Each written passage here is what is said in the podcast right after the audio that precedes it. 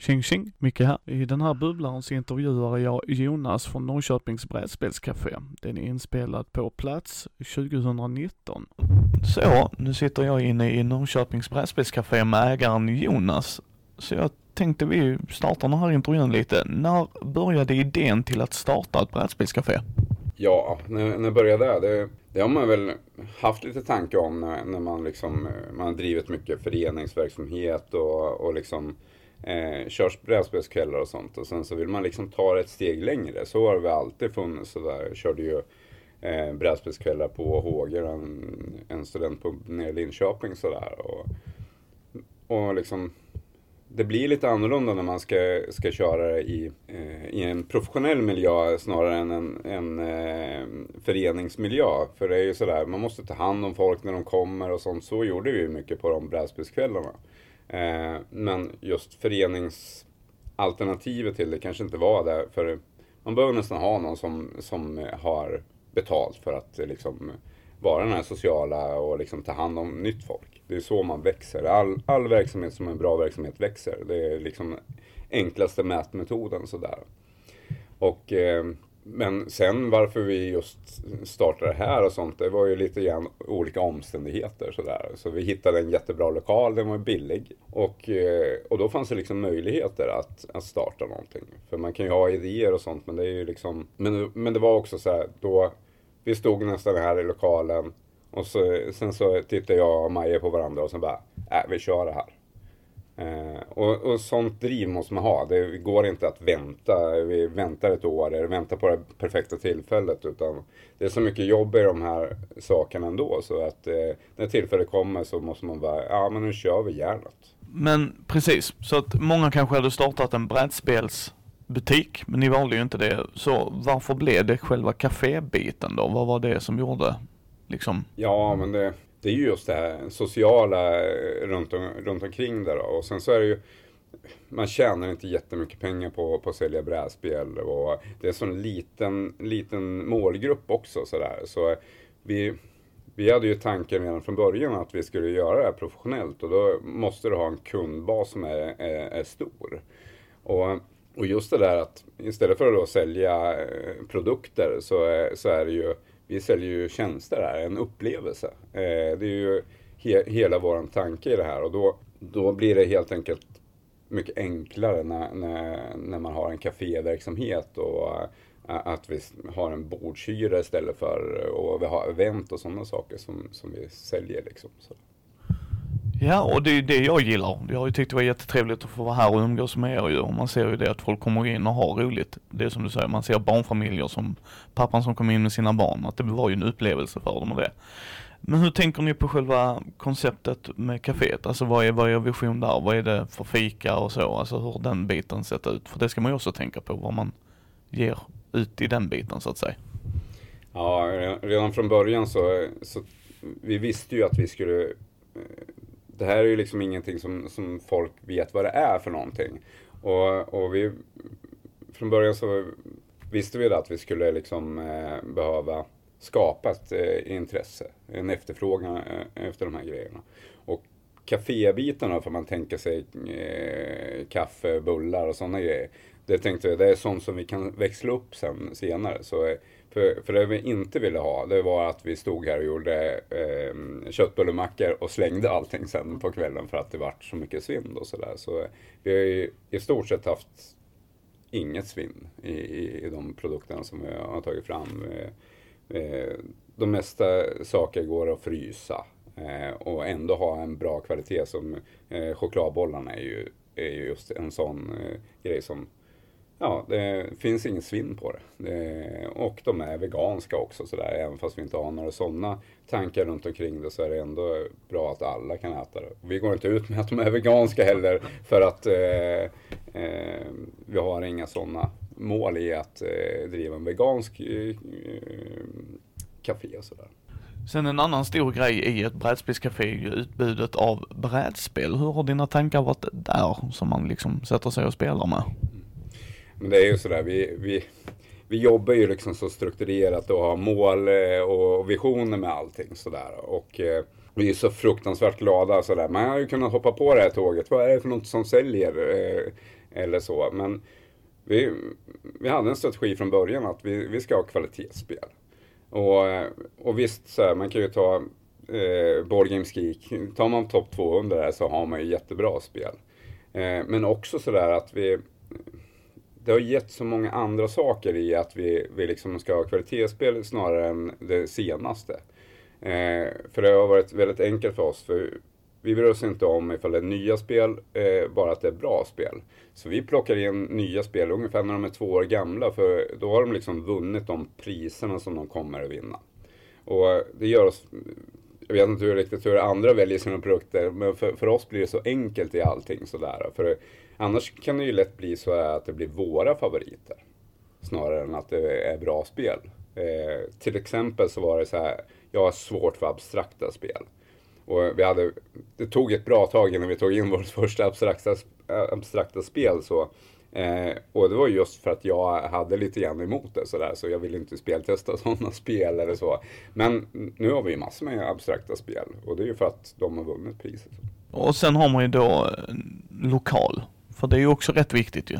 Dels var den är placerad och sen hur den är inredd och utbyggd och dylikt sådär. Hur var tankarna där? Var det bara en tillfällighet med var den låg eller? Nej, där hade vi ju också rätt höga krav på det. Just sådär, man har ju drivit Lincoln, man har drivit olika, så man vet hur, hur viktigt det är med en lokal. Och det, eh, ett av kraven var ju att det var ett norrläge så att sol aldrig låg på. För att sommaren eh, så är det svårt, hur mycket AC man än har, att få ner eh, värmen i lokalen. Eh, och sen så, eh, vi har ju rör som går i, nu ser man ju inte det här, men vi har ju stora rör som går i taket i, i eh, alla de inre rummen och det är ju bara vår ventilation. För det är inte bara det att vi har 18 grader varmt här på, på sommaren, hur varmt det än är ute. Och vi har varmt här inne, hur kallt det än är ute. Men framförallt är det ju så att vi kan ha hela den här lokalen full och det fortfarande inte blir varmt och, och svårt att andas. Det är ju riktigt, riktigt bra. Men sen är det ju också bord och stolar, man ska ju sitta bekvämt och ni bygger ju en del själva här har jag ju sett och det. Men vad är tankarna där? Men det är ju så, eh, ifall man tittar på, på olika forum och sånt så finns det ju liksom hur är det ultimata spelrummet liksom sådär. Och, eh, redan från början så förstod ju vi att vi, vi måste ju bygga allting själva. Dels kan vi det, så det, det är inte, det är inte något, något problem för oss.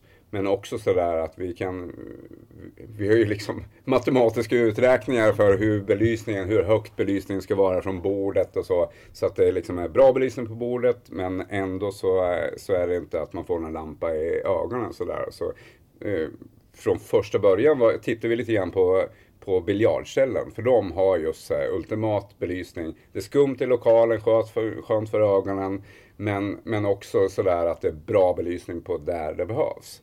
Ehm, men också sådär, vi vill ju att folk ska sitta bra. Eh, man ska kunna sitta här hela vår öppettid på en lördag 11 till 11 utan att det ska bli obekvämt. Och därför bygger ju vi, nu ersätter vi många av våra stolar med bänkar istället. För att det är skönare att sitta på, det låter ingenting. Ehm, så det finns eh, många aspekter som man måste tänka på för att få en bra lokal. Ja, och sen så har ni ju en liten butik i kaféet också, där man kan köpa brädspel och det. Men det, var det tanken från början eller det blev bara lite naturligt? Det, vi ville ju ha eh, försäljning sådär. Eh, och, och, det är ju faktiskt mest som en service till, till våra kunder sådär. För att eh, eh vi visste ju redan från början att vi inte tjänar så där jättemycket pengar på, på brädspel. Och, och, och, och, det här är ju också så här, folk tror ju att man tjänar massor med pengar på brädspel för att de är dyra. Men eh, säljer vi ett spel för 400 kronor så får vi 100 kronor, eh, våran eh, leverantör får 200 kronor och staten får 100 kronor. Eh, och då kan man ju rätt snabbt räkna ut att det kanske inte är någon jättebra business. Eh, men, men det vill vi ha. Dels för att eh, hur ska vi annars kunna få ut det här till, till folket? Eh, eh, de kan ju komma hit och spela roliga spel, men sen vill man ju köpa hem ett spel. Det, är, det är ju det är helt galet och, och, det kan vara rätt svårt att få tag i vissa brädspel. Eh, vi är ju faktiskt, det är många spel som vi har som ingen annan har. För att det är vissa spel som Libertalia till exempel finns inte i, i, och vi vet inte om det kommer ett nytryck heller. Men vi har fortfarande kvar i lager sådär. Uh, men vad har ni för framtida planer för Norrköpings brädspelscafé då?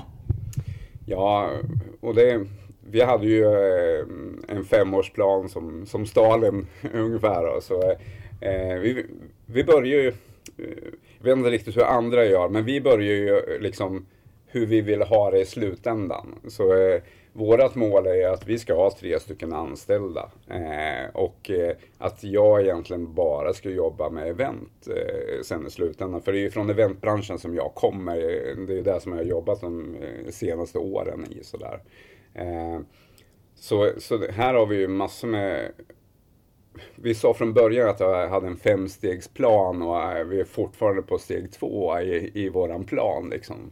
Eh, så det finns eh, massor med olika projekt som vi har. Vi har skolmästerskap, vi har eh, vi vill ju utveckla, vi, har, vi startade precis hemlånsbiblioteket här för ett halvår sedan. Och det finns massor med saker som vi inte orkat med än, som, som vi vill göra.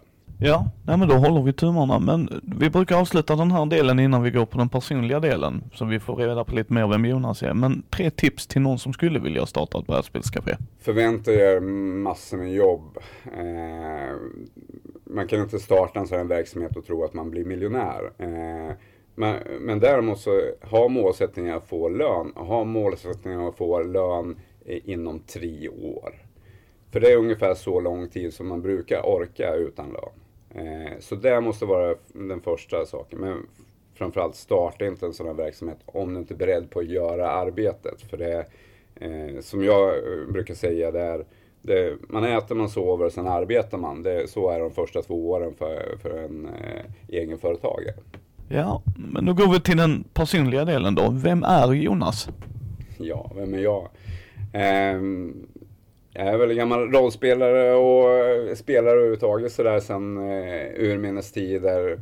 Varit mycket aktiv inom Sverok och så. Och det har alltid varit, för mig har alltid projekten varit större än eh, mig själv eller, eller gruppen sådär. De har, och mina projekt tenderar alltid att bli väldigt stora. Eh, så det blir helt naturligt för mig att liksom vara aktiv i Sverok för att man eh, behövde, eh, behövde Sverok för att ens projekt skulle liksom kunna överleva sådär.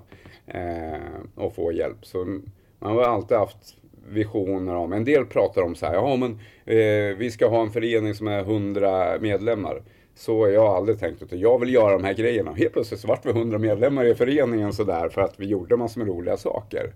Eh, men, men just sådär att alltid, alltid haft ett projekt på gång. Eh, folk som jag känt eh, 20-30 år, de, de brukar beskriva mig så här, oh, det är alltid så roligt när du kommer, för du, då kan man fråga vad du håller på med, för du har alltid något projekt på gång. Eh, och några till också som är i framtiden sådär. Så, eh, det har man väl alltid varit väldigt driven. Folk, man jobbar ju 2100 arbetstimmar om året. Eh, jag brukar jobba där, jag har ett vanligt jobb och sen brukar jag lägga ungefär 2100 timmar till på något annat projekt. Sådär. Ditt tidigaste spelminne Jonas, ett spelminne liksom där du, det här med spel, det gillar jag. Ja, men det, det började nog med, med rollspel och det var faktiskt Dungeons and Dragons som inte alls var stort i, i Sverige sådär. Men eh, jag hade en, en eh, snubbe som eh, var rätt mycket äldre än mig. Så ja, men kom hem till oss och, och spela eh, rollspel sådär. Och han var ju faktiskt eh, första friformsrollspelaren som jag träffade med Dungeons and Dragons. Det här låter helt bisarrt.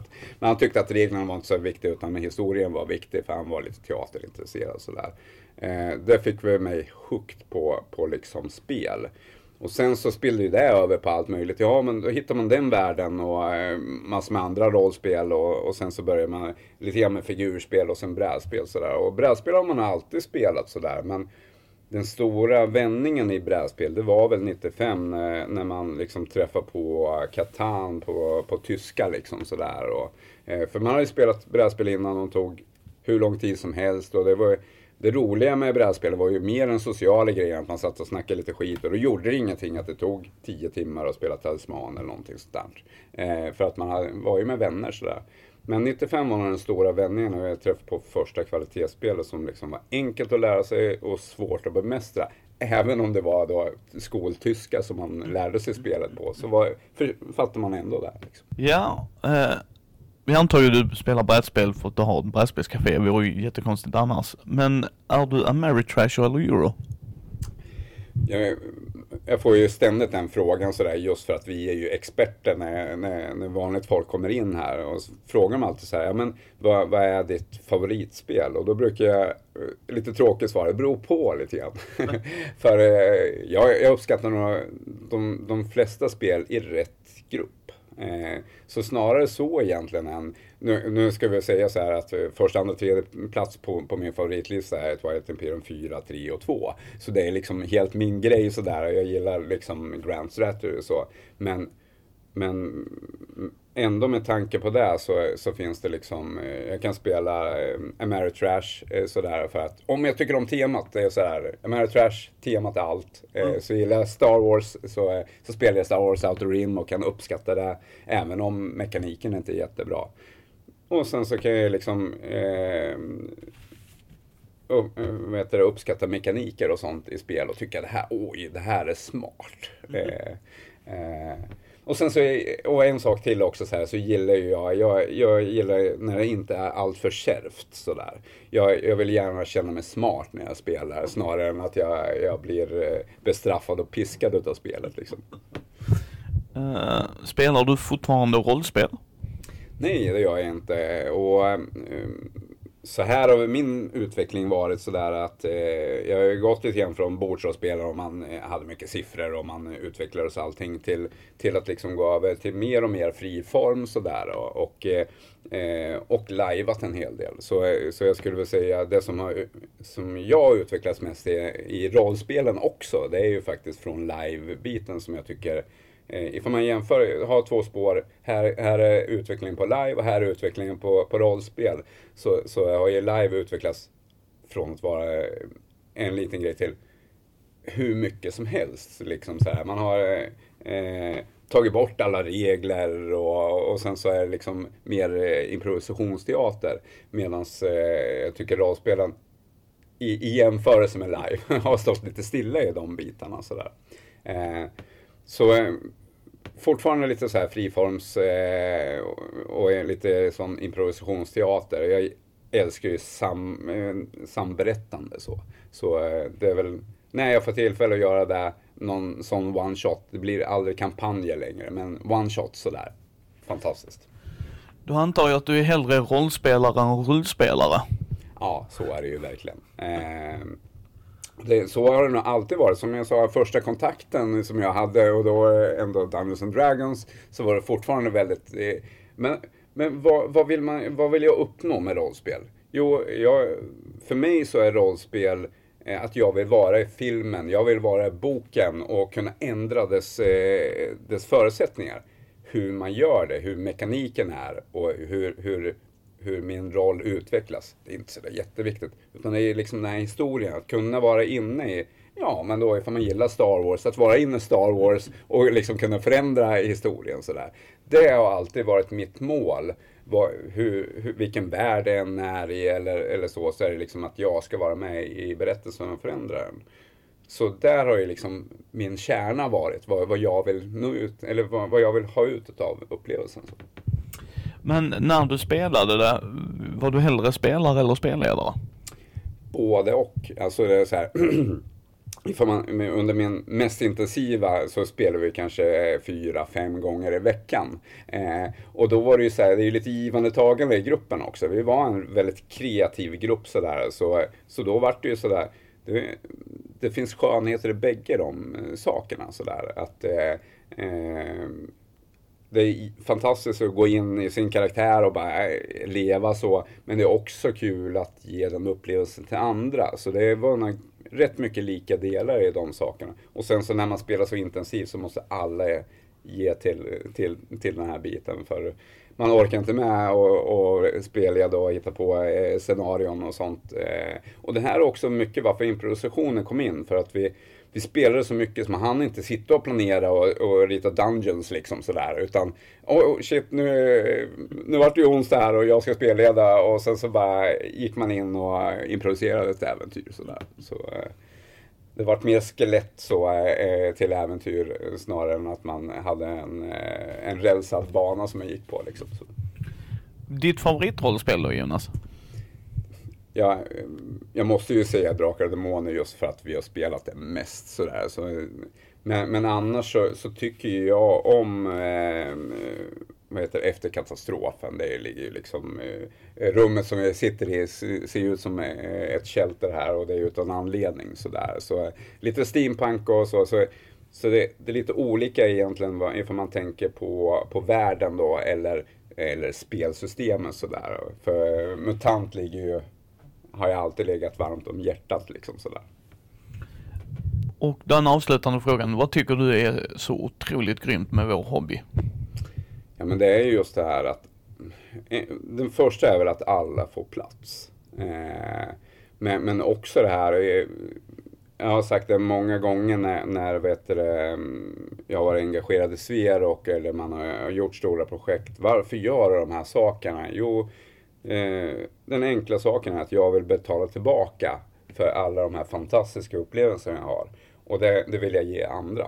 Eh, för det, det är oförglömliga eh, upplevelser. Man kan tycka, ja den här filmen är bra eller den här eh, saken är bra, så här, men de här oförglömliga eh, sakerna i ens liv, det, det, finns ju inget värde på de sakerna. Det är ju oändligt eh, fantastiskt bra liksom sådär. Så, eh, så det är väl just det, de här wow-upplevelserna som jag har fått. Då vill jag passa på att tacka för att du ville vara med här i Mindy och tack för att vi fick vara här i Norrköpings brädspelscafé. Ja, tack. Tack för att ni har lyssnat på Mindys bräd och rollspelspodd. Ni hittar oss på mindy.nu eller på Mindys bräd och rollspelspodd på Facebook, Twitter, Instagram, Youtube. Vill ni gå in och stötta oss på Patreon så gör jättegärna det. Och så hörs vi nästa måndag.